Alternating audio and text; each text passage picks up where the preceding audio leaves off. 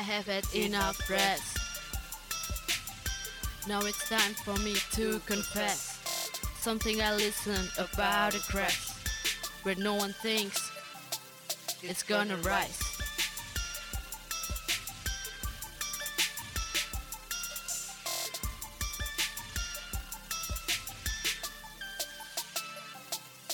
Look up, don't you just play nice? Cause I'm here to make you all realize to keep giving your best and listen to high pressing of Badger Ball Podcast.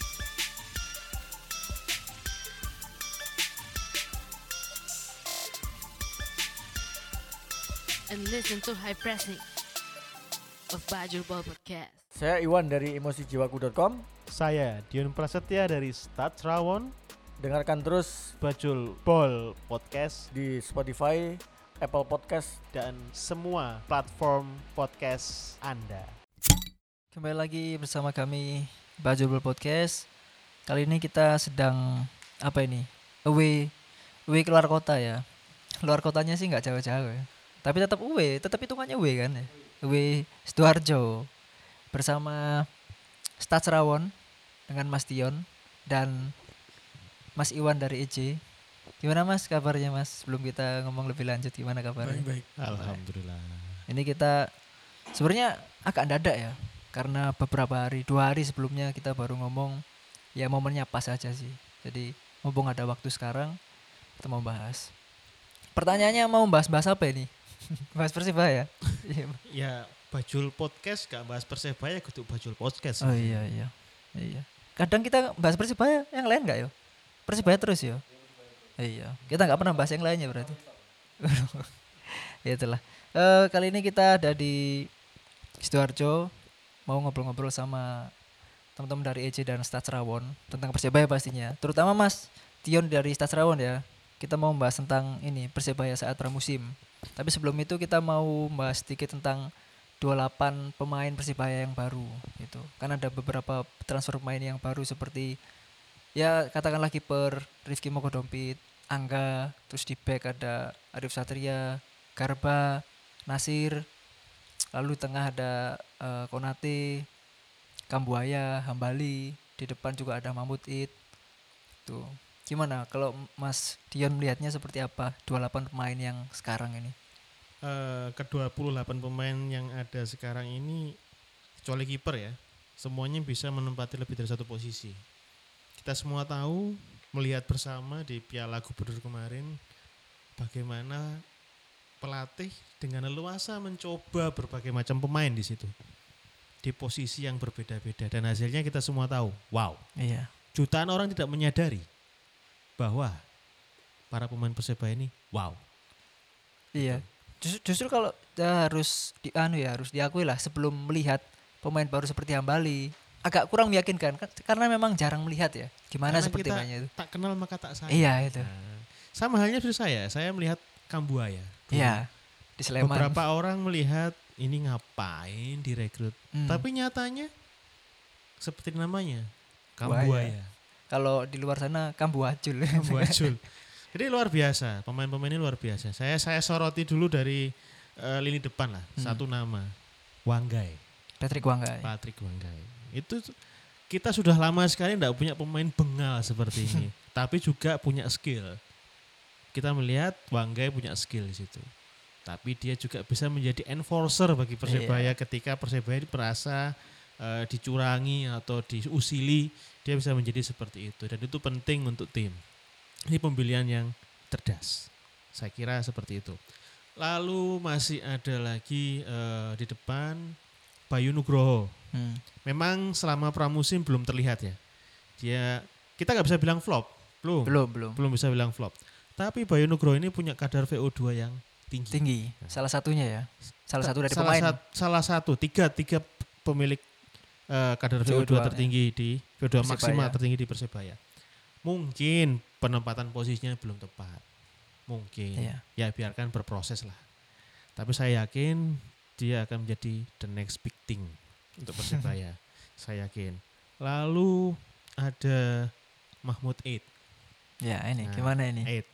Ini eh, sejak saya pertama kali melihat eight latihan bisa menjadikan sesuatu. Karena apa? Dia punya kekuatan di kaki kiri. Iya. Nah, Kidal dia. ya. Nah, pada saat latihan kaki kiri itu kenceng sekali tendangannya. Plus kalau memberikan umpan akurat. Hmm. Nah, waktu itu latihan belum terlihat liuk-liukannya seperti apa. Baru kelihatan kemarin-kemarin itu kan. Nah, seperti itulah ternyata kualitas it. Kualitas Eropa. Nah, nggak cuma sekedar Eropa. Wani ngeyel, wani ngosek. Iya. Nah, ini yang disenangi arek-arek. Kayak kemarin itu ada sedikit insiden lah. Ya, ini ini bagus juga. Pemain seperti ini perlu biar memberikan warna buat Persebaya. Persibaya. Nah, Oke, Ed sudah di tengah Kambuaya tadi. Kambuaya hadir dengan permainan yang stylish, Iya. tidak sesuai dengan casingnya. nah, kita lihat casingnya seperti itu, ternyata mainnya stylish banget. Ini juga keuntungan karena dia bisa ditempatkan sebagai eh, pe- CMF atau bahkan mungkin DMF. Bisa juga winger dan Winger AMF. juga bisa, ya. Beberapa posisi itu? Iya. Empat malahan. Empat posisi. Kambuaya nomor 17 yang kayak reborn Hmm. di Persebaya. Persebaya. Nomor 17 yang reborn. Kalau musim lalu Elisa 17-nya 17-nya eh, Basna. masih kurang meyakinkan. Nah, per- punya potensi ini alhamdulillah terlihat meyakinkan gitu. Habis gitu ada Hambali. Hambali ini julukannya Messi Dari Lamongan. ya. Lamongan. Nah, sampai dia mencetak gol kemarin lewat free kick, kita semua nggak tahu kualitasnya seperti apa. Ternyata bisa juga saya menyebutnya the next Randy Irwan. Iya. Saya nggak tahu ini banyak yang sepakat apa enggak seperti ini. Nanti kita tanya ke Tanan. Kita tanya nanti. Eh, permainannya begitu mobile, kaki kirinya ya bagus. Meskipun ya tak ada gading tak retak, dia kemarin sempat salah passing tiga kali. Iya. Bayan Bayangkara. Nggak ada masalah, semua berproses. Hambali masih muda. Nggak salah ngeluarkan uang seperempat miliar untuk Hambali. Nah, nih biaya transfer sendiri kan Dia itu terus ya. ketutup sama hadiah juara kemarin udah Oh, iya. Nah, enteng toh? enteng. Nah, habis gitu ada Hambali, ada Makan Konate. Ini adalah ruh dari Persebaya. Makan Konate kenapa datang terlambat mungkin seperti itu. Tapi ya itulah yang dicari Persebaya di dua musim terakhir ini. Nomor 10-nya selama ini Pugliara sudah kehabisan masanya Masanya. datang Lizio. Lizio terlihat menjanjikan di awal ternyata blendes. Iya. Nah, di eh, lima pertandingan ya. awal, tengah-tengah lah terlihat kurang begitu bagus akurasi umpannya. Nah, Konate ini menjadi pelengkap formasi Persebaya yang 4-3-3 attacking ini tadi. Hmm. Kita semua tahu bahwa begitu mobilenya Konate dan begitu produktifnya dia Konate. Nah, mencetak gol. Ditambah lagi mungkin ban kapten ini mempengaruhi juga. Kalau kita main FPL mungkin dia udah kali Iya. tiga ya, triple kapten. Triple ya. kapten, Nah. ngegolin, asis. Nah, itu udah wah untung berkali-kali itu. Iya. Jadi mengeluarkan biaya transfer yang enggak murah ini ya enggak ada ruginya. Enggak ada ruginya. Nah, efeknya ke tim ada. Enggak salah kalau belain beli apa kontrak Konate ini. Itu Konate. Hmm. Lalu ada siapa lagi ya? Di tengah ada Tengah tadi Bayu sudah, Konate kayaknya enggak ada lagi ya. mungkin ke belakang ya. Nah, sekarang ke belakang ada Arif Satria. Arif Satria awal-awal kayaknya masih canggung ya. Iya. Ya itulah di proses. Semakin ke sini kelihatan permainannya genah. Hmm. Gak salah kalau dia berbaju Persebaya. Ke depan mungkin bisa lebih konsisten lagi. Itu si Arif Satria. Ada prospek dia. Sudah ngegolkan satu kan. Satu. Jarang-jarang back ngegolin. satu. Habis ada Arif Satria di belakang kita ketemu sama Zubairu. Wah, Karbal. King Zu kalau orang menyebutnya sekarang. King King, Zu. Zu. Mungkin di beberapa pertandingan terakhir dia menjadi olok-olokan mungkin. Hmm. Tapi ya itu tadi saya yakin dengan proses bahwa Zubairu ini bisa menutupi lini belakang Persebaya. Asal dia yakin dengan kemampuannya aja. Tapi anak-anak bilang, teman-teman bonek bonita bilang kalau Zubairu main berarti Persebaya udah menang. Iya. Nah, Itu mungkin indikasinya itu ya. eh, popok bawang bawah dulu. iya. Tapi tidak apa-apa, ya sudah. Ini apa namanya proses lah. Eh, harapan kita semua kan Zubair ini bisa lebih Kom- kontribusi ya. berkontribusi lagi. Nggak apa-apa lah main-main ya main-main 20 menit tapi ya masa iya mau main 20 menit terus gitu loh. Nggak mungkin kan. Pasti di suatu saat kan pasti dibutuhkan Butuh lebih itu untuk kan full ya. time misalnya. Ya mungkin bisa lah. Mm-mm. Lalu ada Ke kiri ke mungkin. kiri ya, ke kiri ini ada eh Nasir. Hmm. Nasir. Nasir ini debutnya baru sekali ya lawan mantan timnya Mantan juga timnya Arema. sendiri. Saya melihat cukup berani dia, cukup berani dengan statistik yang eh, setelah saya buat itu Hmm. Nggak buruk-buruk amat. Meskipun dia Sebagai debutan ya. sebagai debutan nggak buruk-buruk amat. Meskipun di awal-awal per menit dia bikin pelanggaran yang berujung gol. Gol. Meskipun nggak langsung Iya. nggak langsung dari Iya, dia sih iya. sebenarnya. Ya wajar lah. Siapa sih nggak grogi pada saat debut? Saya rasa nggak nggak semua pemain merasakan itulah. Dan dia membuktikan setelah dia melakukan kesalahan di akun media sosialnya, dia main di situ dan dia membuktikan, Membuktikan, bahwa ya. ada proses, ada ada sesuatu yang menjanjikan dari anak ini. Asal itu tadi, Itu tadi ya. ya kurang-kurangi medsos yang nggak jelas nggak jelas kayak gitu, fokus ke latihan. Bisa jadi sesuatu. Kalau yang masih kontroversi nomor tiga, Abdul Estalu, saya tidak bisa komentar Iya, karena belum ya. karena dia masih main di negara tetangga sana. Eh kiper nih, kiper. Kita Maupun punya dua ya. kiper baru ya. Sama Angga. Nah, kalau Angga belum kelihatan ya mainnya seperti apa. Nah, kalau buat Rifki ini eh dia kebobolan sebanyak 8 kali Iya, selama pramusim 8 gol dari ya. enam pertandingan. Mm. Kebobolannya rata-rata dari bola-bola Set set piece. Tiga di antaranya dari corner kick. Tiga di antaranya dari corner kick. Saya melihat eh, antara kesalahan kiper sama kurang koordinasi dengan Back. pemain belakang. Itu terlihat jelas itu. Tapi saya yakin Rifki ini sesuatu juga. Dia sudah 31 tahun, pengalamannya banyak. Banyak. Dan satu lagi, pemain ngerjekeni ini. Hmm. Sama Sriwijaya juara. Juara, ya. salah itu. PSM kemarin. Pokoknya pokoknya dia ini merasakan juara. merasakan atmosfer juara, punya gelar. Hmm. Eh, Nggak ada kata-kata Iya, lain iya. selain pelang- pemain rezeki kan ini kan. Iya, iya. Nah, terus juga dia eh, tingkat penyelamatannya cukup banyak sebenarnya. Kemarin saya ngitung rata-rata 3,4 save Per per match ya. match. Saya ngitung rata-rata. Eh modelnya memang bukan sweeper kiper seperti Miswar. Dia lebih cenderung kiper yang suka teriak-teriak Hmm. ke back di depannya seperti Oliver Kahn atau mungkin Peter Schmeichel. Mohon maaf buat yang Arsenal di sini. Ya. Jadi dia commanding goalkeeper dia modelnya. Eh kenapa kemarin kok dipasang terus Rifki sama pelatih? Karena satu mungkin stoknya ya itu kalau nggak itu ya Nando kan, Iya. angkanya nggak ada. Tapi pelatih kiper itu saya rasa punya misi, pengen ngetes sejauh mana kesiapannya Rifki. si Rifki ini. Kalau Angga kan sudah tahu kemampuannya, Waktu di tim lama pelatihnya ya. juga kan. Di tim sebelumnya. Pelatih Benny kan pelatihnya Iya. juga. Nah ini dites seberapa blunderkah dia. Memang Rifki ini bukan tipe kiper yang suka menangkap bola kayaknya. Menepis ya, lebih banyak. Ninju. Ninju ya. Kalau zaman zaman dulu saya ingat kiper model gini ini Jor Campos Jor dari Campos. Meksiko. Nah, Sukanya seperti itu, tapi dia nggak tinggi. Ini tinggi, sukanya ditinju dia. Ya udah kiper macam-macam, tapi saya rasa itu tadi ngerejekeni dan dia punya prospek untuk menjadi lebih baik. Hmm. Ya, saya kira itu sih pemain-pemain barunya ada yang kelewat nggak? Eh nggak ada kayaknya. Wah, enggak ini sudah, sudah, sudah, sudah semua. semua iya. kok itu. Sudah semua. Sudah semua. Mm-mm.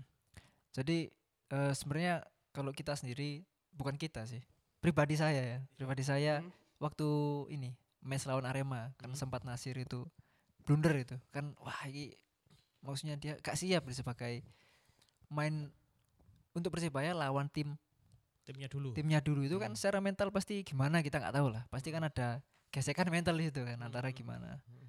Waktu kebobolan itu sempat khawatir tapi akhirnya dia main 90 menit full ternyata ya dia bisa membuktikan tapi selang mungkin 20 menit selanjutnya ya baru kelihatan Tapi memang di 90 menit itu eh, penyerangan Arema ke sana terus kan. iya iya Ya, memang sengaja di sana terus. Karena memang mungkin ya pemain Arema tahu Heeh. kelemahannya Nasir si ini. Nasir seperti apa. Ya nggak masalah Iya. itu. Justru malah bagus kan? Di untuk dia tes bagus ya Di pramusim.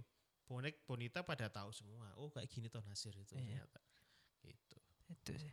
Eh, tadi udah ngomong masalah pemain 28 pemain Persibaya. Kurang yang nomor tiga ini Mm. karena kita belum tahu kejelasan seperti tahu, apa ya, ya. jadi mending nggak usah bahas. Hmm. Lalu ini pramusim Persibaya kan selama pramusim termasuk lawan Sabah dan Persisolo. Hmm. Jadi total 7 pertandingan. Total 7 pertandingan mencetak gol 22, kebobolan 8. Gimana Mas Dion melihatnya ini? Mencetak 22 gol dalam 7 pertandingan. 22 dan 7 pertandingan berarti kan rata-rata 3 ya. Iya, kalau 3, sekian dibagikan kan? ya. Kebobolannya Eh, Delapan. 8. jadi 1, sekian. Saya rasa itu masih fair enough lah. Kalau kita berharap pengen clean sheet, clean sheet itu faktornya banyak, nggak cuma kiper. Semua eh, pemain berkontribusi sana, entah itu pemain belakang, pemain tengah, itu kontribusi di situ. Mm-mm. Jadi saya rasa ini cukup cukup adil dengan mencetak gol sebanyak-banyaknya kebobolan sesedikit Sedikit-sedikit mungkin meskipun belum clean sheet. Ini prinsipnya almarhum Rusdi Pahlawan dulu. Lawan cetak satu gol kita cetak tiga. Hmm. Nah, itu oke lah. Saya rasa ini diadopsi dengan cukup baik di pramusim dan semoga eh, semangat seperti itu tetap ada nanti di saat kompetisi liga. Iya. Gitu. Kalau mengantisipasi ini jadwal timnas yang memanggil pemain, kan kita nggak tahu siapa yang akan dipanggil besok waktu TC atau apa. Gimana mengantisipasi seperti apa? Eh, apakah cukup nggak sih pemain 28 pemain ini untuk saling membackup misalkan seperti Rian yang kemarin absen, terus di backup siapa? Hansamu. cukup nggak cukup saya malah khawatirnya malah yang di level usia Oh. bukannya di senior. Kalau Hmm. senior mungkin sudah jelas ya. Kalau yang level usia ini kayak Rizky Rido ya lagi keren-kerennya Iya, nih ya. Iya, Eh, biasanya TC-nya kan lama. Iya, lebih lebih panjang Nah, kalau ini yang yang 19 ini 20. yang saya khawatirkan kalau kata Cak Lontong begitu ya. Ini yang saya khawatirkan. Ini bisa berakibat fatal sebenarnya. Kalau backnya back tengahnya kan minim ya. Tinggal itu itu tapi saya berpikir begini kita punya Arin yang bisa di back tengah Iya. bisa di kom- dikombinasikan nanti tengahnya diisi siapa saja bisa tapi seba, eh, menurut saya ya nambah pemain lah nggak kalau nggak bisa dari klub lain kita Promosikan. naikkan dari U20 Hmm. kemarin gitu loh siapa tahu tapi saya rasa manajemen sudah punya jawaban yang Iya. terbaik lah untuk itu Tapi sebenarnya tadi sempat kelupaan mau membahas ini khusus buat eh, pemain pemain Persibaya yang dipromosikan dari junior Mm-mm. Seperti Rizky Ridho, Kuku, Kemal dan Zulfikar yang musim ini ditempatkan di, ya. di senior gitu. Gimana? Kan yang kelihatan kan Rizky Ridho sama Kuku ini. Kalau Kemal sama Zulfikar kan cuma bentar tuh main kalau nggak salah itu loh. lawan ya, belum lawan ya. Persis terus si Zulfikar kan Iya. menggantikan Gantikan itu, itu Mamut lawan itu ya. Persik gitu ya Heeh. Heeh, itu eh semua akan ada gilirannya.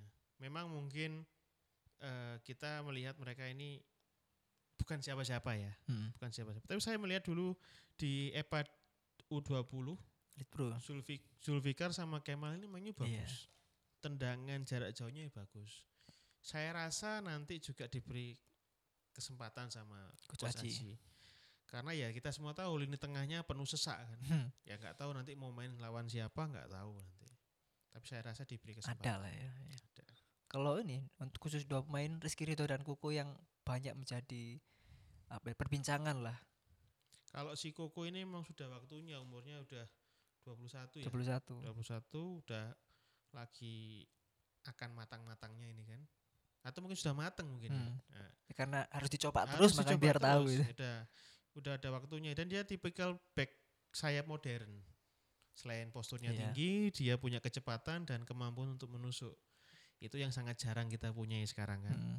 Nah, ya semoga di timnas tidak berbentrok dengan di klub lah. Timnas main di klub di ABK. Nah, itu jadi pusing kepalanya nanti. Tapi dengar-dengar sekarang udah sinkron. ya moga-moga. Kan dengar-dengar Nah, belum tahu gitu. Moga-moga aja seperti itu. Kalau Rizky Ridho gimana? Kemarin kan di Piala Gubernur Jatim selalu ditandemkan sama Arif Satria ini. Kalau Rizky Ridho ini udah apa ya dari EPA saya memperhatikan sudah bagus. Sudah prospektus sudah bagus. Eh di Piala Gubernur tambah jadi. Karena apa? Lawan Persik dia sudah eh, lawan siapa ya waktu itu ya? Strikernya Persik itu. Strikernya masih belum manusia. Cuma di situ di lima pertandingan di Piala Gubernur lawan Bayangkara dia sudah ketemu sama Andik Firmansyah, Iya. ketemu Madura. sebentar sama Sumafu. Lalu lawan Madura ada Beto. Greg, ada Beto, ada pemain-pemain sebut aja siapa di situ, ada Brian kan di situ juga Iya. kan. Dia sudah ketemu, membuktikan ya masih bisa menang Mm. dan dia tercatat sebagai salah satu pemain yang memiliki tackle ter tackle berhasil terbanyak di Piala Gubernur Jatim. Lalu lawan Arema ya sudah jelas. Iya. Terakhir di Persija, Simic. sekelas Simic bisa kaing-kaing seperti itu kan, tidak bisa apa namanya berkutik lah, Berkembang ya dia tidak bisa berkembang. Itu pun kalau kita bahas golnya kemarin tuh ya, ya sorry itu say, sebenarnya Iya, pelanggaran sebenarnya. Tapi ya sudah lah, nasi sudah menjadi bubur kita tidak boleh Iya. kan, biarin aja tidak apa-apa. Tapi kalau secara permainan dia kan sudah menyusahkan lah paling enggak ya. Ya, Bisa dibilang menyusahkan ya. sudah Menyusahkan men- ya. sudah menyusahkan. Jadi saya jadi inget eh Bejo Sugiantoro umur segitu Iya. dulu. Ya sama, hampir mirip. Bajunya juga Dimasukkan. dimasukkan, itu kan anak anak SD, Rapi. rajin rapi kayak gitu. Gitu. Iya. Itu sih. Jadi kalau dari kita sendiri anu apa namanya? Melihat Koko kan karena kebutuhan bek kanan Persebaya sejak lama itu kan dibutuhkan. Iya. Sebelum sekarang Rodek kan posisi aslinya bukan bek kanan juga kan. Yang saya gembira itu melihat Rodek sebenarnya. Rodek ini kanan, Mm-mm. oke. Defensive midfielder, oke. Eh, bahkan sekarang dicoba di Kiri. kiri dan sama bagusnya sebenarnya. Dan ini menggembirakan, dia bisa tiga posisi. Coba lihat di daftar pema- pemain Persebaya. Siapa yang cuma satu posisi? Kecuali kiper ya. Kiper doang. Itu aja. Zu bisa Zu ya. Zu. DM bisa kadang itu kan bisa seperti DM, Okacon lah. Bisa, Iya. bisa tapi Dimajukan dikit. tapi mungkin dia sebagai nakut-nakutin orang. Iya. ya itu setuju sih kalau misalkan Zu udah masuk berarti Persebaya udah unggul. Bisa jadi seperti tapi ke depan ya harapan Iya, saya jangan begitulah. jangan gitu. Wah nyambut gawe. iya. iya. Ini eh, mau bahas tentang Udan. Mau bahas tentang ini eh, pertandingan khusus lawan ini Arema dan apa namanya Persija. Kalau Arema kan semifinal. Kita kita tahu di grup stage Persibaya seperti apa, tapi lawan Arema dan Persija yang secara mental di dalam pemain itu ada kelebihan sesuatu lah. Mungkin ada bumbu-bumbu yang ini tim kalau Persija, ini tim rival Perserikatan, tim Arema Jawa Timur seperti itu. Kan untuk pemain kan itu pasti berbeda gitu. Melihat ini menang 4-2 dan 4-1 kemarin. Baik buat pemain sebaik apa ini? ya namanya menang ya bisa mengangkat mental ya. Mentalnya pasti terangkat. Mau lawan siapa saja ya pasti terangkat. Mau lawan Arema menang ya sudah seharusnya.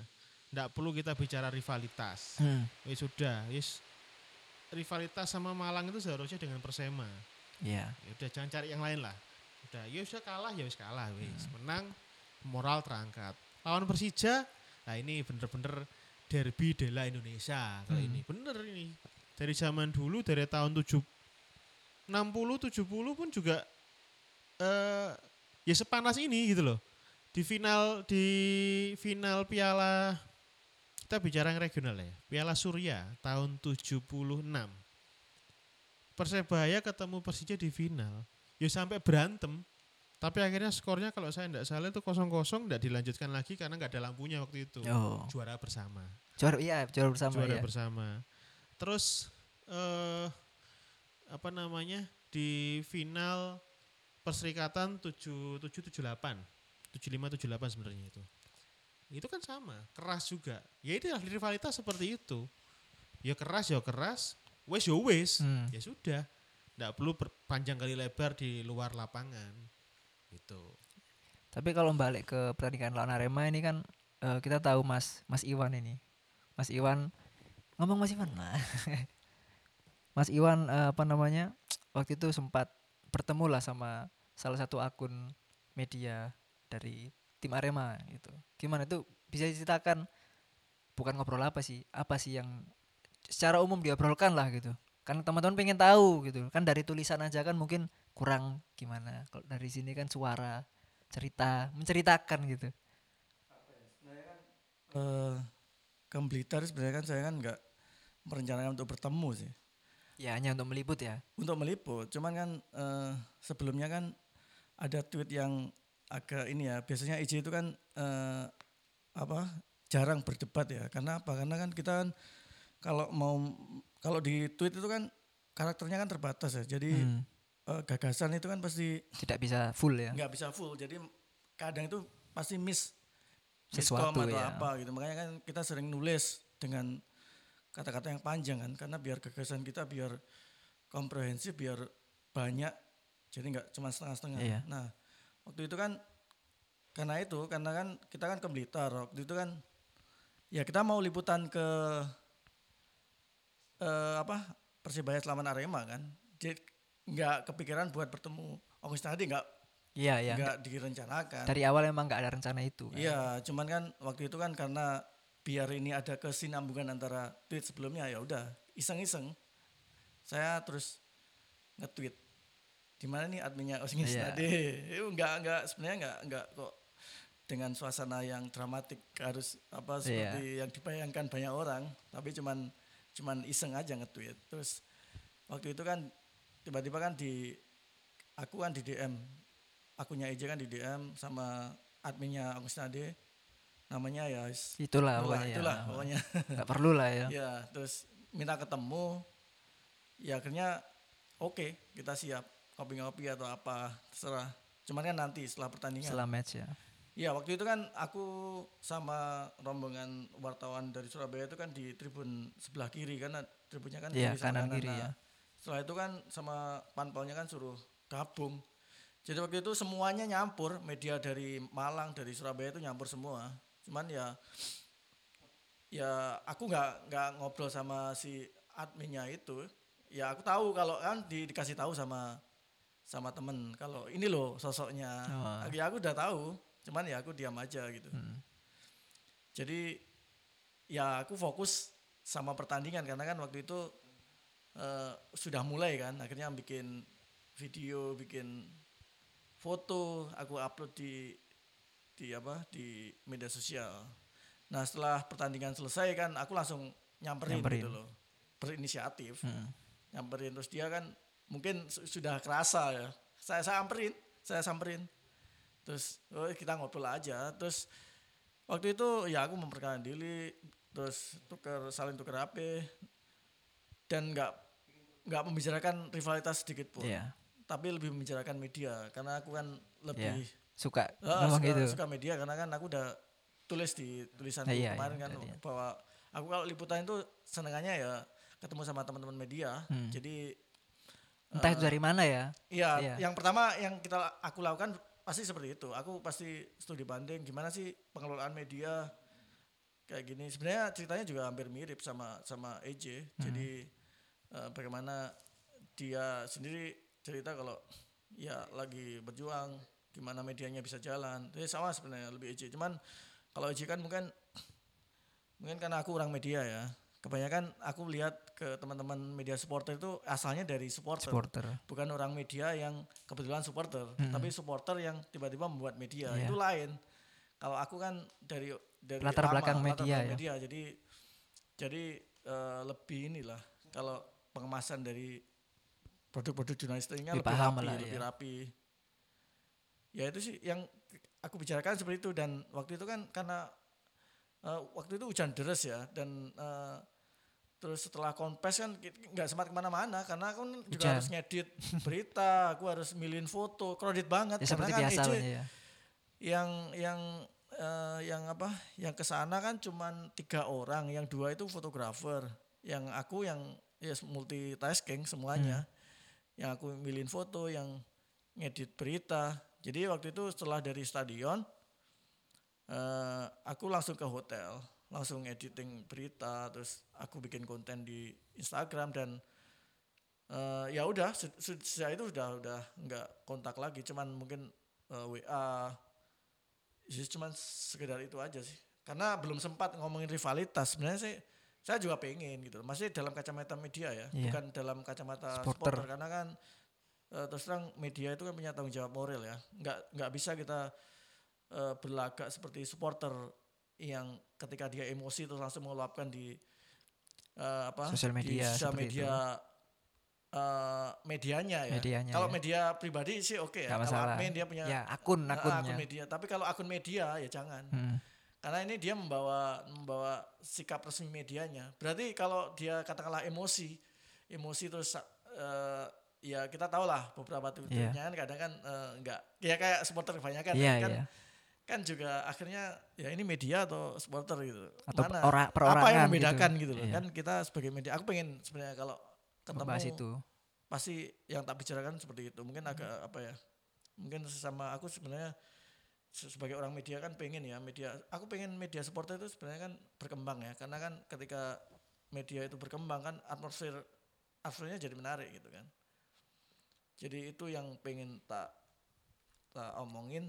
Tapi itu belum sempat tak omongin. Iya.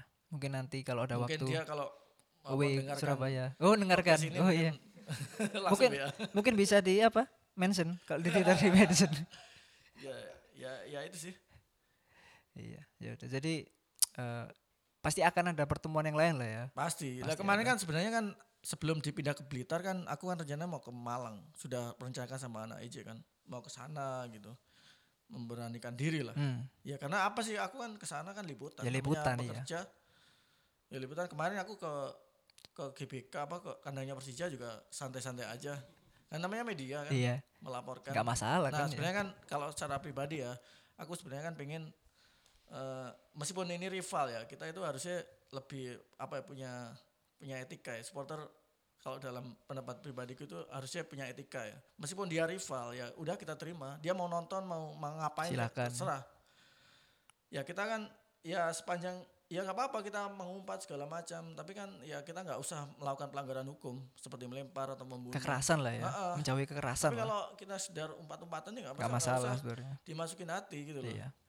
Nah aku pengen suasana melihat suasana itu terus terang aku nggak nggak terlalu apa ya kalau melihat eh, mungkin eh, unpopular opinion ya Iya, kalau iya. melihat orang misalnya eh, supporter ini damai sana damai tanya kabar itu agaknya agak agak apa ya agak apa namanya Tidak satu frekuensi. ya Kurang lah ya. agak aneh ya karena kan aku bayangkan misalnya supporter MU sama supporter Liverpool itu saling sapa-sapaan piye Iya. Ya mungkin ini apa penegasannya mungkin bukan damai tapi saling respect lah. Kalau respect misalkan nah, iya respect respect aku pengennya kan respect ya bahwa hak untuk mendukung klub itu kan Iya. ya haknya Setiap kan. orang juga Setiap orang- punya. iya kan tapi kan juga dia juga punya hak juga membenci tapi kan kalau misalnya ya jangan baper gitu loh Iya. kalau dia emang mungkin dia nggak nggak visinya beda sama visi klub kita Ya nggak masalah itu gitu ya. masalah Iya. namanya dia kita kan nggak beda klub kan nggak bisa memaksa mereka harus sama seperti harus, kita. harus sama seperti kita Iya, iya.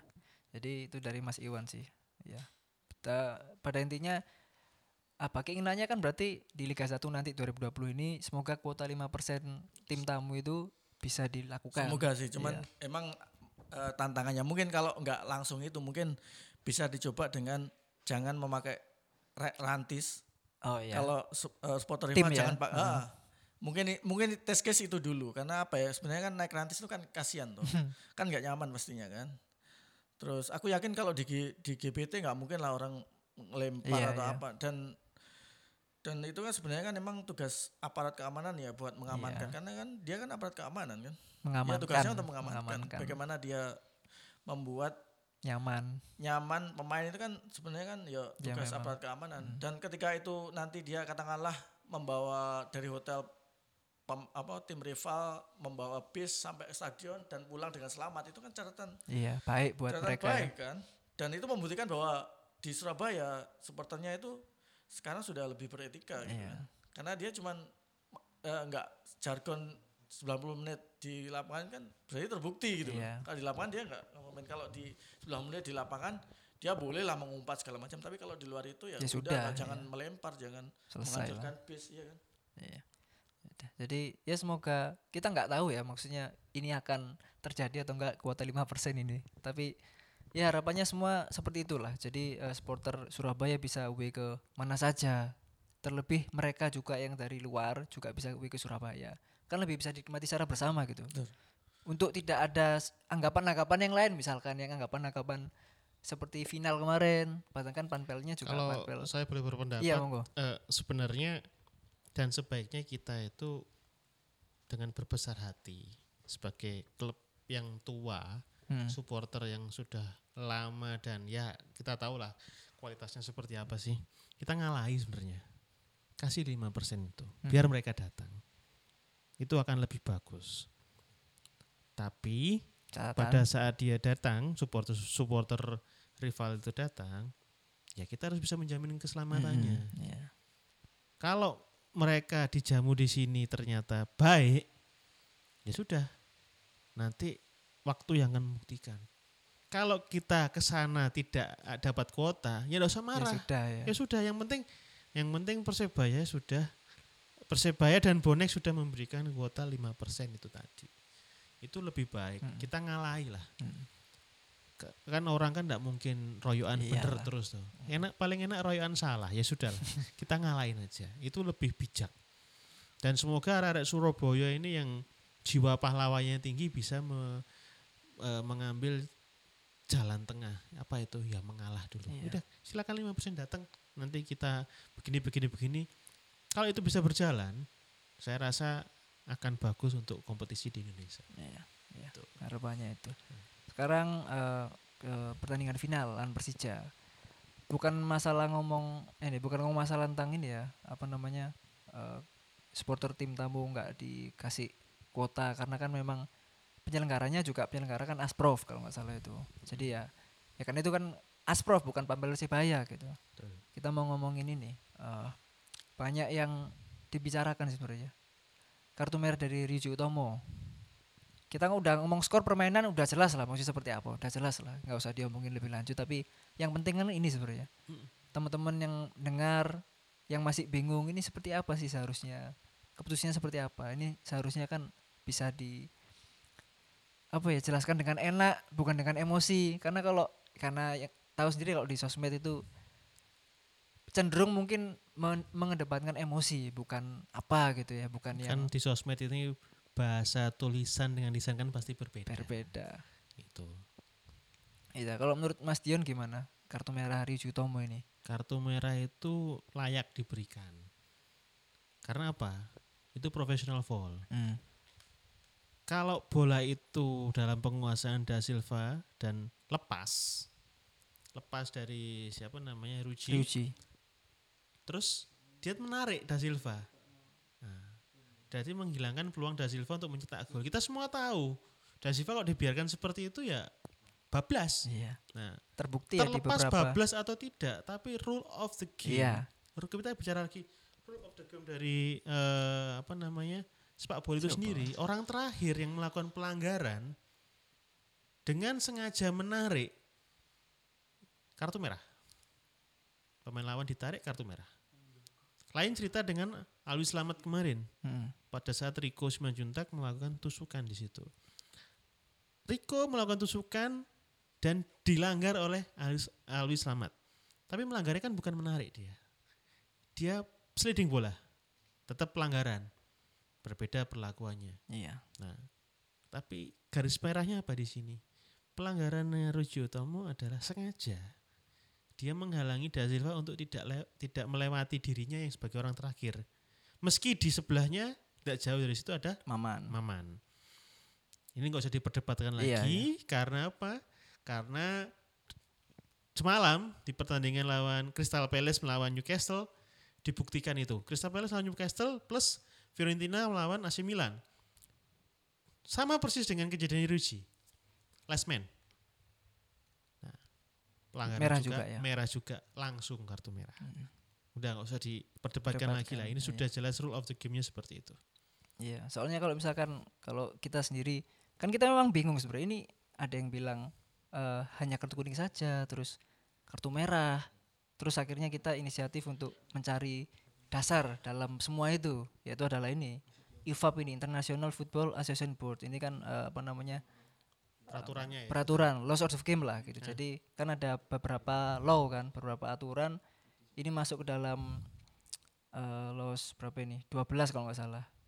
12 tentang disciplinary, kedisiplinan pemain. Jadi mengatur perilaku pemain saat dia melanggar itu diberi apa?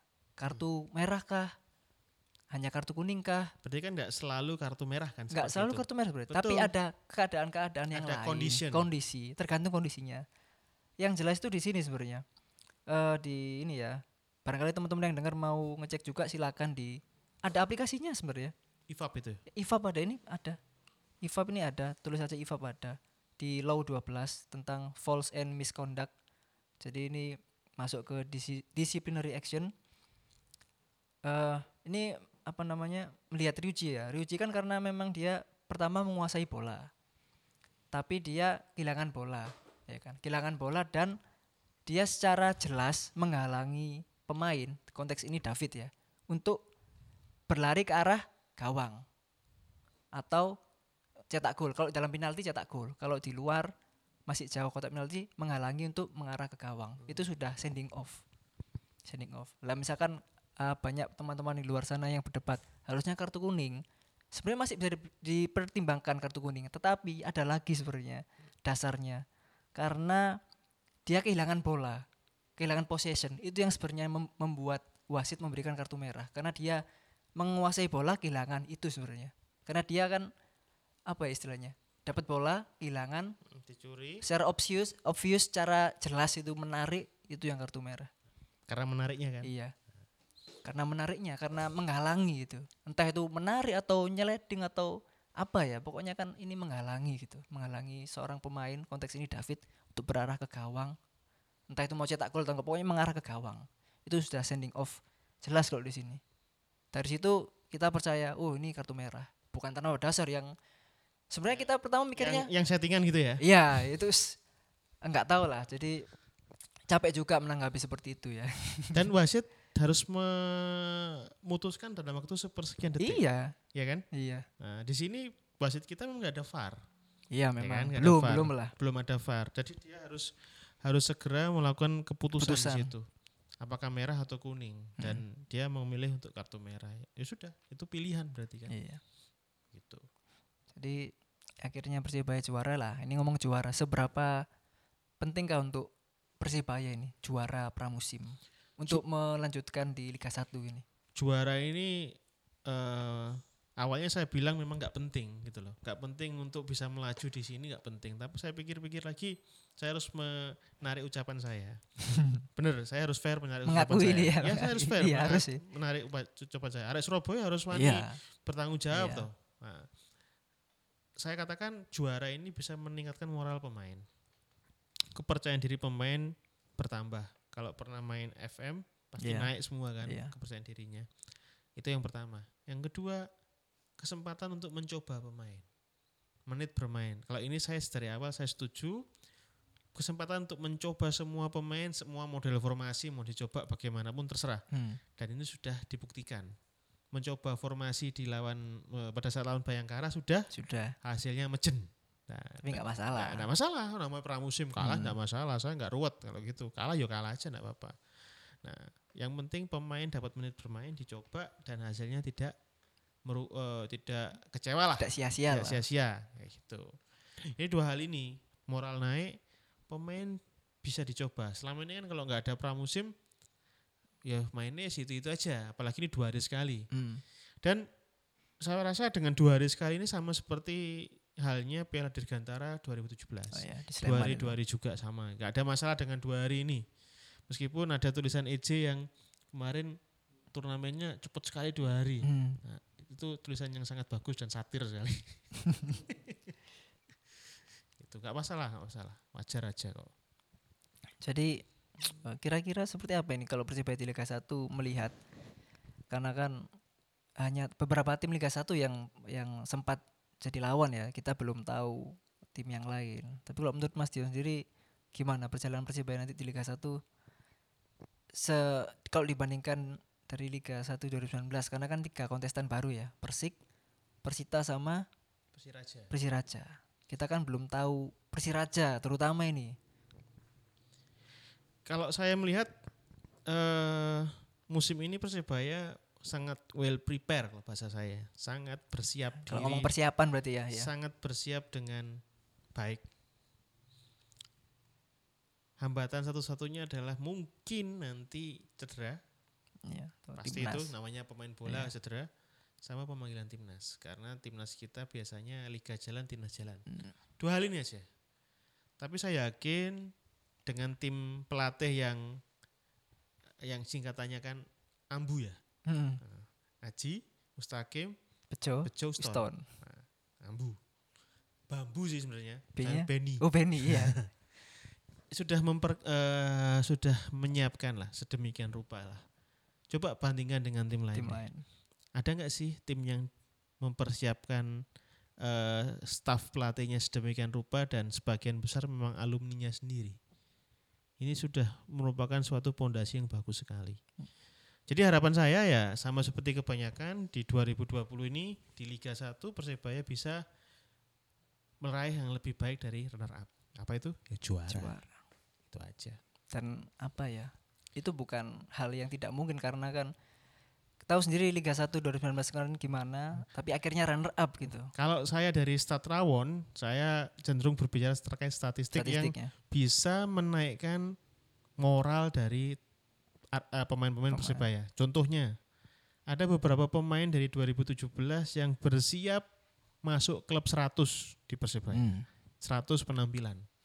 Siapa saja dia? Ada Irfan Jaya, Opan, Saifuddin, sama Dayat. Dayatnya. Empat orang pemain.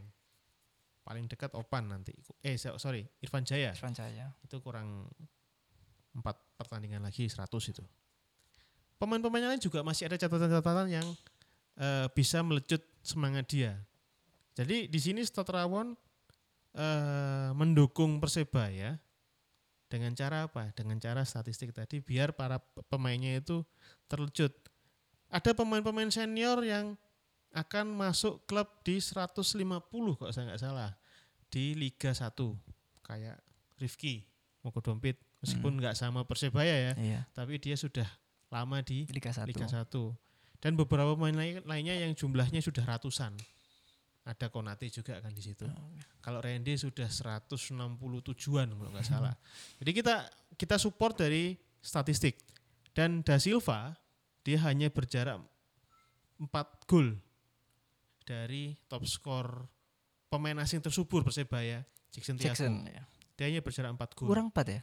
hanya kurang 4 dan saya rasa dia bisa terlecut untuk itu Kalau nggak salah waktu di pertemuan sebelumnya, sebelumnya yang waktu kita bahas bukunya Mas Dion, Hmm, kan tanya kita ya, pemain asing favorit lah.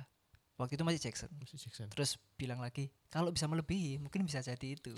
Lah, kurangnya iya, cuma satu nanti Apa itu? Masih, saya yakin David da Silva bisa bisa mere- melebihi pasti itu kan Jackson saya empat yakin itu. ya. bisa melebihi kurangnya cuma satu gelar juara Iya. Nah, kalau dia bisa top skor ditambah ada gelar juara wow ya sudah berubah itu nanti tatanannya nanti. itu aja Iya sih. Mungkin kalau ngomong apa yang diharapkan tadi Mas Dion sudah harapannya bisa melebihi runner yaitu juara. Kalau dari Mas Iwan sendiri gimana? Dari IC atau dari apa ya? Dari media lah seperti apa kan apa sudut pandangnya pasti beda dari Mas Dion sama Mas Iwan. Kalau aku kalau dari EJ sih pengennya pasti Persibaya juara ya. Kalau juara Persibaya juara pasti eh, kita bisa menyajikan konten-konten yang lebih menarik. Dan ya harapannya Persibaya bisa berprestasi. Kalau bisa kan apa? Treble winner kan bisa ya? Triple winner ya. ACC Liga Ini 1, Liga 1 sama- Piala Gubernur Jatim. Iya, satu sudah lah ya, satu sudah. Apa salahnya dengan berangan-angan Iya, lah, nggak ada iya. salahnya gitu. nggak nggak ada yang salah kalau apa ketika berprestasi kan kita bisa kontennya bisa lebih lebih apa variasi Variasinya dan- lebih banyak lah ya. Iya, karena kan kita juga setiap tahun EJ itu kan eh, pasti ada eksperimen-eksperimen gitu kan dari eh, produk jurnalistik kita kan pasti macam-macam gitu kan Hmm. pengennya seperti itu nah dengan adanya juara itu kan le- pastinya lebih Lengkap lah lebih ya. banyak, ya. Kalau dari ini sih pengennya juga juga kita juga dari internal kita dari apa enggak dari tim ya. Mungkin dari supporter juga lebih bisa mengevaluasi apa sih kekurangan kita di musim lalu dan mungkin kita perbaiki di apa di musim ini. Kan kita kan juga nggak adil kalau kita Iya. nuntut persibaya berprestasi tapi kita nggak mengaca di- Iya. dari kita. Apa sih yang kekurangan kita? Pastinya kan eh, bonek sendiri sudah sudah paham lah bagaimana eh, musim ini nantinya seperti apa. Pasti sudah paham lah. Dan aku angan-angan pribadiku sih itu ya menyaksikan eh, supporter rival di sini bisa dukung di sini ta- tapi nggak nggak nggak usah harus damai dulu damai seperti yang Iya. yang dengan yang lain nggak apa-apa aku juga justru justru ketika kita nonton apa ya di di tribun itu penuh gairah itu lebih menyenangkan gitu kan dibanding dengan suasananya eh, Iya. lempeng hambar atau lah ya. hambar itu sangat hambar kemarin aku pas waktu apa lihat di waktu lihat di GBK itu kan gimana Oh, iya. supporter Persija itu bagaimana meneror Pemain Persibaya. pemain Persibaya dan itu dan kita sebagai eh, mungkin di samping aku orang media tapi kan aku juga supporter juga Hmm. merasakan bagaimana sih atmosfer di sana sangat meneg- me- menegangkan gitu sangat eh, bikin adrenalin kita itu Iya. tinggi gitu nah bagaimana kalau itu kita saksikan itu di GBT. di, di GBT gitu loh nah aku sih masih memimpikan itu cuman jalan jalan untuk itu kan eh, masih masih panjang ya Iya. mungkin bisa tapi kan bisa step-step dulu kan misalnya kan tadi aku bilang kan mungkin rantis Dihilangkan dulu, ya. Heeh, mesti eh, bis Iya, dulu bis terus nanti dulu. apa apa kayak gitu Ya, itu penting sih sebenarnya. Saya su- saya suka itu Mas Iwan. Jadi di Jakarta kemarin kan sebegitu terornya kan stadion itu seperti itulah. Harapan saya sih memang di Surabaya ada yang seperti itu. Jadi ada supporter tamu ya syukur-syukur yang memang rival ya datang ya mereka harus kupingnya harus tebel. Mm. Jadi Ya, ya enggak sudah itu. ya, nama juga mau nonton kan harus tebel. Heeh. Saya rasa di mana pun lah misalnya Manchester United lawan Liverpool. Ya memang seperti itu. Ya memang. seperti itu, ndak ada yang namanya "Wah, teman-teman, ndak Nggak. ada. Ya kupingnya panas, ya wes terima ya. Iku Cuman apa nang kandang lihat video yang supporter MU merayakan gol di tengah-tengah supporternya Chelsea. Iya. Nah, Nah, itu kan dengan leluasa dia ini Dan tidak apa-apa kan? gangguan. Dan Nggak masalah. ada masalah. Suatu pengalaman tersendiri lah. Iya, Iya kan? nggak apa-apa. Ya sama-sama harus respect, yours, Respect, respect iya. others lah. Ya, catatannya itu loh, menghargai. asal tidak itu kerana hukum tadi ya Nah, itu. Saling menghargai lah, jangan sampai nyenggol, Ya. jangan sampai ngeludah atau apa pun Nah. yang berpot- berpotensi menimbulkan Keributan. pidana lah Pidana gitu. ya, ya. Makanya campaign dari apa sepak bola UEFA ya. Respect itu kan emang respect nggak cuman ya. cuman ini, tapi kan eh, holistik ya, menyangkut keseluruhan ya. Bagaimana supporter itu menghargai apa supporter lain bahwa supporter lain itu juga punya hak apa membenci tim kita, Kita. itu kan kita harus menghargai masalah, itu ya. dari kacamata itu bukan bukan kok ketika dia katakanlah menghina klub kita terus kita baper itu nggak nggak seperti itu ya kalau apa merasa tim kita nggak seperti yang diomongkan ya kenapa Tanpa harus baper kan? kenapa harus baper Itu dia. tapi kan dia jangan halangi kita kalau juga Iya. nantinya meng, apa istilahnya mengumpat Menghina balik menghina wajar wajar balik. aja lah. wajar itu sangat di dunia apa sangat wajar MU menghina Arsenal wajar. Iya. Arsenal menghina MU pada saat kayak begini wajar juga Wajar, dan wajar. nggak sakit hati Iya. yes. Don't take it seriously lah. Ya saya rasa itu udah diterapkan di liga beberapa bukan seluruh dunia lah. Kebanyakan sudah ada tapi- kuota. Mm-mm. Tapi Itulah. mungkin mungkin ini ya mungkin, mungkin atmosfer di sana sudah ini ya maksudnya bukan hanya supporter yang sudah punya kesadaran di situ Mm-mm. tapi eh, dari regulator dari aparat keamanan Iya, sudah- iya. Memang sudah- sudah emang sudah Satu ini, frekuensi satu mereka. frekuensi. Ap- bagaimana aparat keamanan itu menjamin supporter rival datang ke stadion dia datang dan kembali dengan selamat itu sudah sudah frame-nya aparat keamanan Iya. Nah, Panpel juga di sana juga seperti itu. Ba- Bagaimana mereka menegakkan aturan, mis- misalnya mereka me- apa eh, ada supporter yang udah melanggar nggak boleh masuk stadion itu diterapkan beneran. Iya. Kalau di sini kan masih masih belum. Makanya ke arah situ masih mungkin masih lama ya. Cuman kan nggak ada salahnya mulai sekarang kita Iya, gaungkan ya. Apalagi liga mau mulai jadi kan Iya, momennya heeh. pas lah, ada momen lah. Iya. gitu. Iya. Tidak tiba-tiba di tengah-tengah ini kan di awal kan lebih enak. ujuk-ujuk gitu kan. Iya. Ya. Tapi ya harapan saya memang ada seperti itu sih, Iya. ada rekonsiliasi lah. Gitu. Mungkin dari teman-teman sendiri, teman-teman Bajulpol gimana? Harapan apa yang diharapkan Persibaya untuk Persibaya nanti di Liga 1 nanti?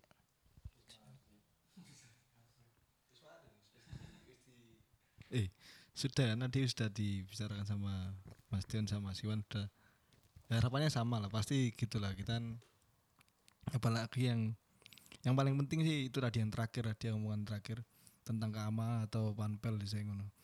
Kan yang kalau sing tak delok biasanya kan bu iku lagahum bu lagawi kan. Polisi gak kerja dengan bener lek ngarani aku.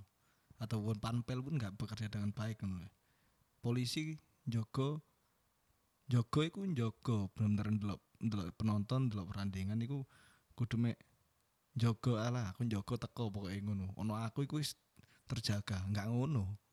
Kan ngono Mm-mm. polisi kan kebanyakan seperti itu asin kayak kayak contoh dulu itu yang paling sering kan di ketika di tribun kalau misalnya di di Eropa gitu ada supporter tim tamu di situ akhirnya mereka membuat barikade di supporter Sekat tim ya. tamu kayak tim tamu gitu disekati gitu nah ketika, ketika lagahum di persebaya pun ataupun di lagawi persebaya itu polisi-polisi malah cangkruan cangkruan nang tribun cangkruan tribun rokokan mangan bukan oleh es kokotaan gitu biasa mangan enak-enakan kan di polisi-polisi yang eh, terutama mbak apa lek ngaran tertinggi nih apa kepolisian Indonesia lah Iya. ya.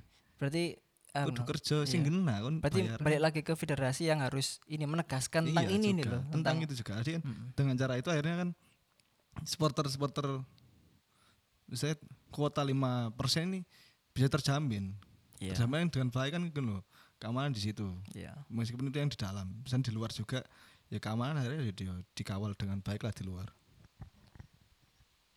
Oh, sudah. Jadi anu lah. Sepakat lah ya maksudnya kuota 5% harus harus harus diberikan untuk tim tamu si- siapa pun itu ya. Siapa pun itu. Ya kalau bisa Surabaya jadi pionir, Iya. apalagi yang rival-rival itu kan. Bisa. Kalau kita bisa menerima Persib di sini, kenapa tidak dengan yang lain? Mm-mm. Ya paling tidak virus perdamaian itu harus ada. Perdamaian dalam artian ya yang lebih baik gitu. loh. Mm. Mau lihat monggo, tapi kopengnya tidak boleh panas Iya. gitu aja. Sama halnya nanti misalnya ada bonek yang nonton di stadion mana pun itu lah, punya, Tetap punya aja rival ya diterima. Sama juga kalau ada yang ngejelek-jelekin persebaya ya, Ya sudah udah biarkan. biasa aja. Dan yang penting ini garis merahnya di sini, jangan ada kata-kata rasis, Iya. jangan ada kata-kata umpatan untuk yang muncul dari sudut-sudut tribun. Itu aja.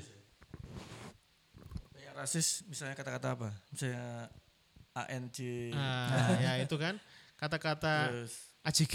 AJG. AJG kan zaman Iya, sekarang ya. Iya. dibunuh BCT saja. AJG gitu kan. Iya. Nah, dibunuh saja. dibunuh saja. Itu sebenarnya. Nah, sebenarnya Jancu itu kan. Wah, keluar nih jadinya nih. Nah, Su- Surabaya enggak enggak Tapi kalau- enggak dosa. Jajo kan eh, bukan rasis. Bukan. Sebenarnya, iya. Si ngomong si ngomong jancu rasis ku sopo? sampai ada stiker di mobil itu. Jari sopo jancuk duso. Ngono ada. Saya tunjukkan. Enggak, itu sih enggak masalah Iya, sih. iya. Itu kan umpatan kene arek Surabaya Iya. wajar. Enggak maksud saya Yang dua yang, itulah yang ya. lebih besar daripada itu. AJG tadi itu kan sama Dan DJ. di, dibunuh saja. EDS, TS ya.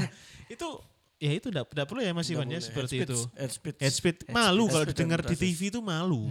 Gitu loh. Wah, ternyata masih begini nah. Itu ini momentum, Iya. momentum sebenarnya bahwa menunjukkan arah-arah Subo- Surabaya ini jauh lebih teredukasi. Hmm. Ada momen momentum di sana. Ya akhirnya apa ya harus menurunkan egonya lagi Iya. seperti itu. Ya semoga kita tidak mendengar yang seperti itu di Liga 1, terutama di GPT ya. Kita lihat diri kita sendiri lah. Ya ngoco sih lah. Iya. Ya, seperti itu. Semoga di GPT tidak seperti itu lagi. Kalau kita ngomong di luar, ya itu, kan urusannya tim luar, Ya. urusannya apa itu? Urusannya di Elemen-elemen terkait. Ya. Kalau kita kan Persibaya, Persibaya. Kalau kita nggak usah gitu, kalau ada orang atau tim lain, supporter lain yang mau masuk sumur, kita nggak usah Iya. ikut. Gitu loh. Maksudnya kita sudah one step ahead. Berkali-kali saya ya. bilang bahwa Persebaya ini timnya selalu selangkah di depan. Kalau dulu eh, di tahun 70-an itu kita sudah pakai jas. Hmm. Tahu kan ya? Iya, iya. Kita sudah pakai jas.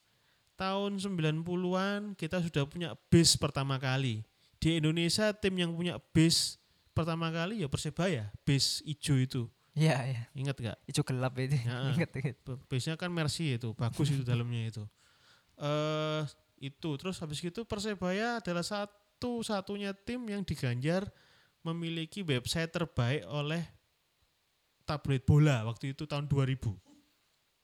Itu apa apa nggak one step ahead. Iya. Nah sekarang kita sudah punya eh, penjualan online, itu sudah eh, mendahului yang lainnya. Hmm. Sekarang udah diikuti.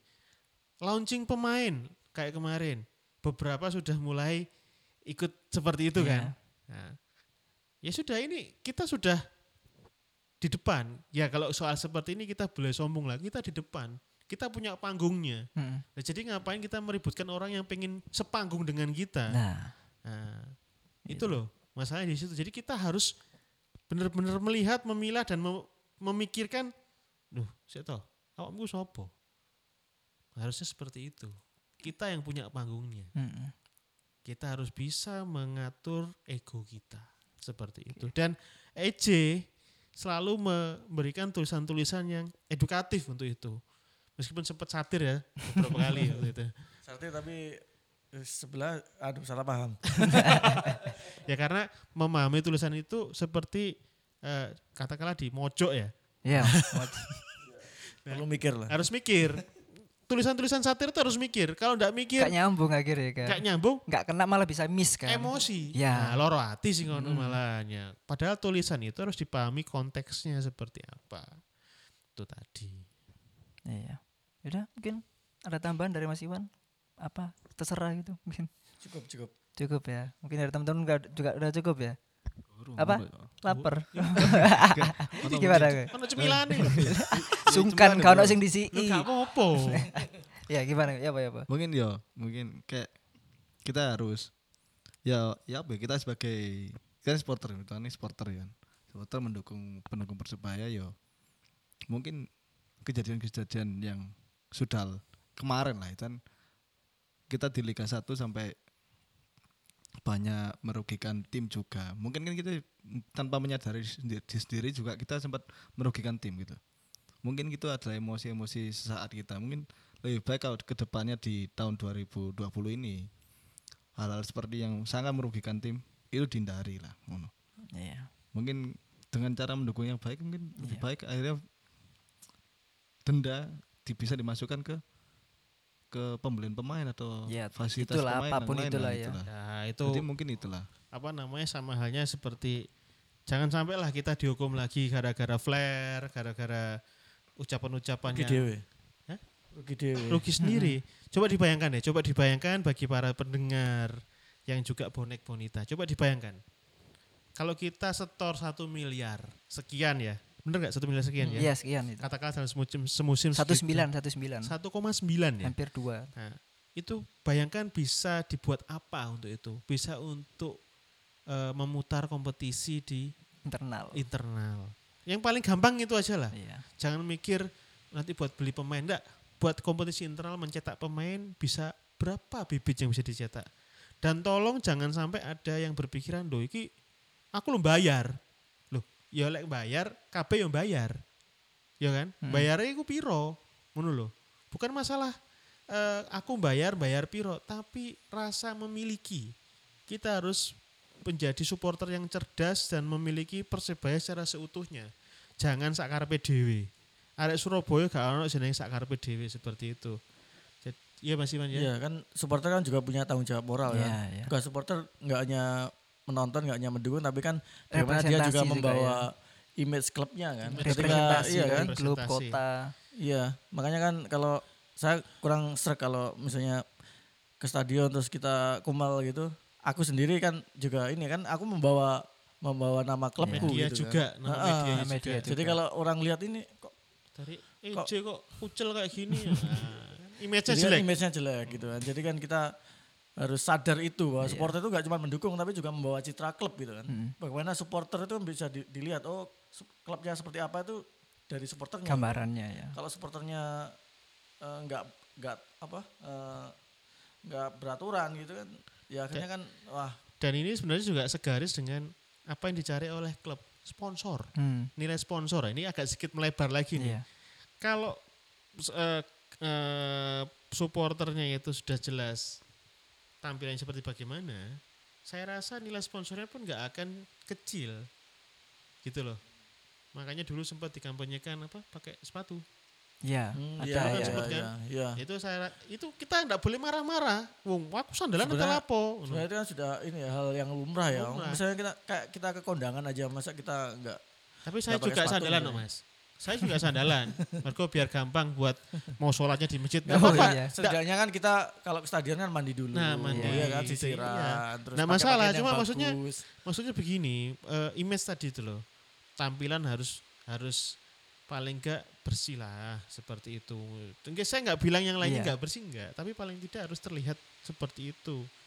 Nah, kembali lagi ke perilaku supporter tadi ya. Untuk 2020 ini kurang-kurangilah ngeflare pada saat pertandingan belum selesai. Kalau sudah selesai mungkin enggak apa-apa ya Mas ya kalau belum sudah selesai. Tergantung Mas. regulasi kan Nah, beberapa menit itu ya. Ini juga harus diperhatikan. Kita Dua jam ya? Dua jam setelah pertandingan. dua jam setelah pertandingan. Dua Iya. jam atau setelah lampu stadion mati? Nah itu yang Ya, buyar. Kalau nggak salah. buyar berarti. ya, kan kalau gitu harus dipahami betul. Jadi mungkin mungkin pentolan-pentolan dari eh, tribun ini regulasi ya. harus digandeng oleh Persebaya, Iya. manajemen harus tahu regulasinya seperti ini loh. Saya waktu di Sleman itu kan eh, flare itu ny- nyala setelah nyanyi Song for Pride itu kan. Iya, Nah itu kan juga itu. akhirnya Didenda. kan. Berarti kan Ah. Tidak boleh, masih tidak boleh. meskipun eh, aku kayaknya dek- pernah pernah baca itu kayaknya berapa jam setelah apa kick off di- apa eh, di eh, pertandingan selesai Pertandingan gitu selesai. loh. Heeh, jadi nggak langsung terus tiba-tiba. Ya, harus diperhatikan di manual liganya. Nah berarti. makanya kan mungkin eh, perlu ada sosialisasi manual liga mungkin Iya. ya. Nah, Ya sosialisasi. khusus ya, maksudnya khusus Iya, untuk iya, ini ya. sosialisasinya eh, sosialisasinya juga harus eh, beberapa macam. Saya, saya pikir selain kepada para pentolan tribun-tribun juga kalau bisa diberikan ke eh, media-media juga. Mm. Media lalu eh apa namanya di medsosnya di Iya. Persebaya sendiri di Iya. beritahu bahwa begini begini. Karena kita harus ingat kita main di Liga apa ya? Sorry kok Liga ACC, ACC. ya, Asian Champions Cup. Iya.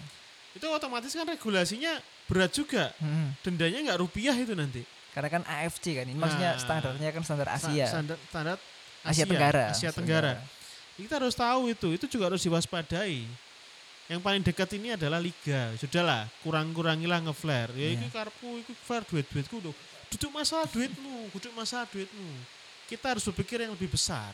Sama halnya seperti orang yang buang sampah di eh, di sungai. Loh, Iya. Beno wong sampah-sampahku loh. Tapi sampahmu itu akan Berimbas. berimbas merugikan orang lain. Karena nopo? Buntoni, buntoni Hmm. karena nopo? Banjir. Banjir. Lek banjir sing salah so- sing ruwet sapa? Orang semua kan. nah, kita harus berpikir yang lebih besar, jangan mengutamakan kepentingan pribadi. Kita harus berpikir yang lebih besar. Ya, saya rasa seperti itu sih. Pesan manajemen. ya. Pesan Mungkin- manajemen. Pesan buat manajemen, Mas Iwan dulu deh. gimana gimana? Ya kalau manajemen sih eh aku lihat sudah berprogres lah. Maksudnya kan eh yang kita lihat di musim 2000 sebelum-sebelumnya kan lebih banyak drama ketimbang action gitu kan. Nah, aku pengennya kan eh, kurangi drama tapi kan eh, actionnya lebih lebih banyak, lebih inilah. Maksudnya juga bisa merasakan. Jadi jangan berpikir dari kacamata manajemen aja, mungkin berpikir juga, juga dari kacamata supporter. Supporter. Bagaimana ketika katakanlah misalnya produk kebijakannya itu ya dari sudut pandang supporter, apakah katakanlah dia melalui tulisan atau apa bahasa-bahasanya itu kan apakah bahasa ini menyinggung supporter nggak sih? Itu kan juga harus di, Iya, dipertimbangkan lagi. dipertimbangkan. Jadi jangan jangan cuman dari kacamata menara gading manajemen, tapi kan juga harus kamu tuh selain manajemen juga supporter. Jadi kan ketika sudah berpikir itu kan ketika melakukan kebijakan apa pun kan pasti oh ini pasti nanti supporter pasti nggak terima atau tersinggung. Ya. Nah itu juga juga nantinya kan pasti kebijakannya pasti lebih baik kan Iya. seperti itu kan. Ya, kalau saya pikir sih eh, memang untuk musim ini manajemen terlihat lebih proaktif ya. Dan tidak hanya dari apa penglihatan tower tadi ya. Iya. Menara Kita gading. harus punya helikopter view di situ sebagai manajemen. Ah, iya. Lebih luas. Kayak gimana sih sebenarnya di bawah itu? Bottom up, bukan dari atas ke bawah. Kita harus lebih melihat bahwa supporter ini sebenarnya dinamikanya seperti apa sih? Harus seperti itu sebenarnya. Harapan saya lebih lebih bisa apa namanya melihat dinamika supporter bonek sendiri di kalangan grassroots itu seperti Hmm, apa sih? iya. Jadi dari situ akan bisa ditemukan eh, solusinya seperti apa. Terus lagi komunikasi itu harus dua arah. Kalau searah berarti jalan Basuki Rahmat. Oh iya. Ya, dan jangan lupa komunikasi itu adalah konmuni tak kasih. Ya, munio. Nanti kita akan coba dikasih. Kira-kira seperti itu mungkin. Iya. Seperti itu.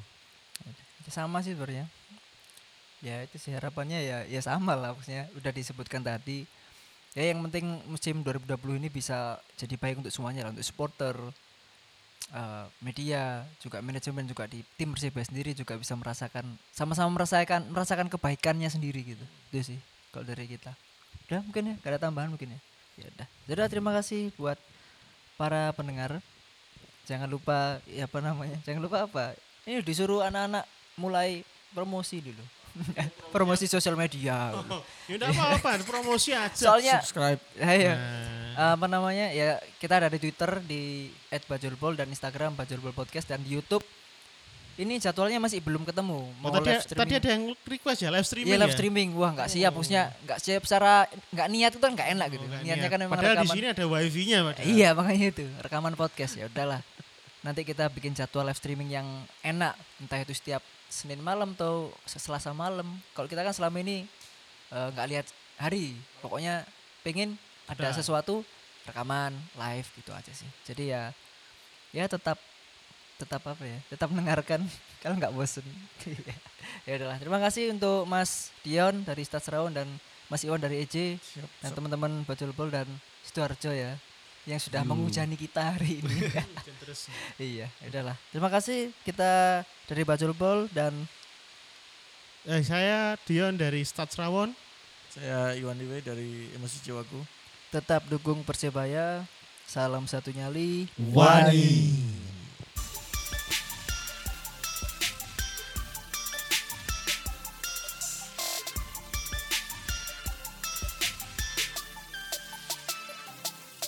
I have had enough rest. Now it's time for me to confess something I listened about a crash where no one thinks it's gonna rise.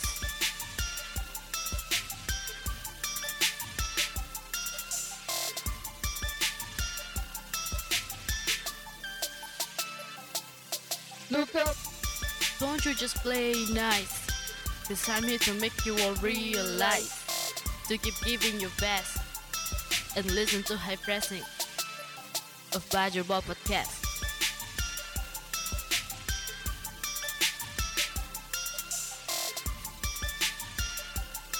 And listen to high pressing of Badger Ball Podcast.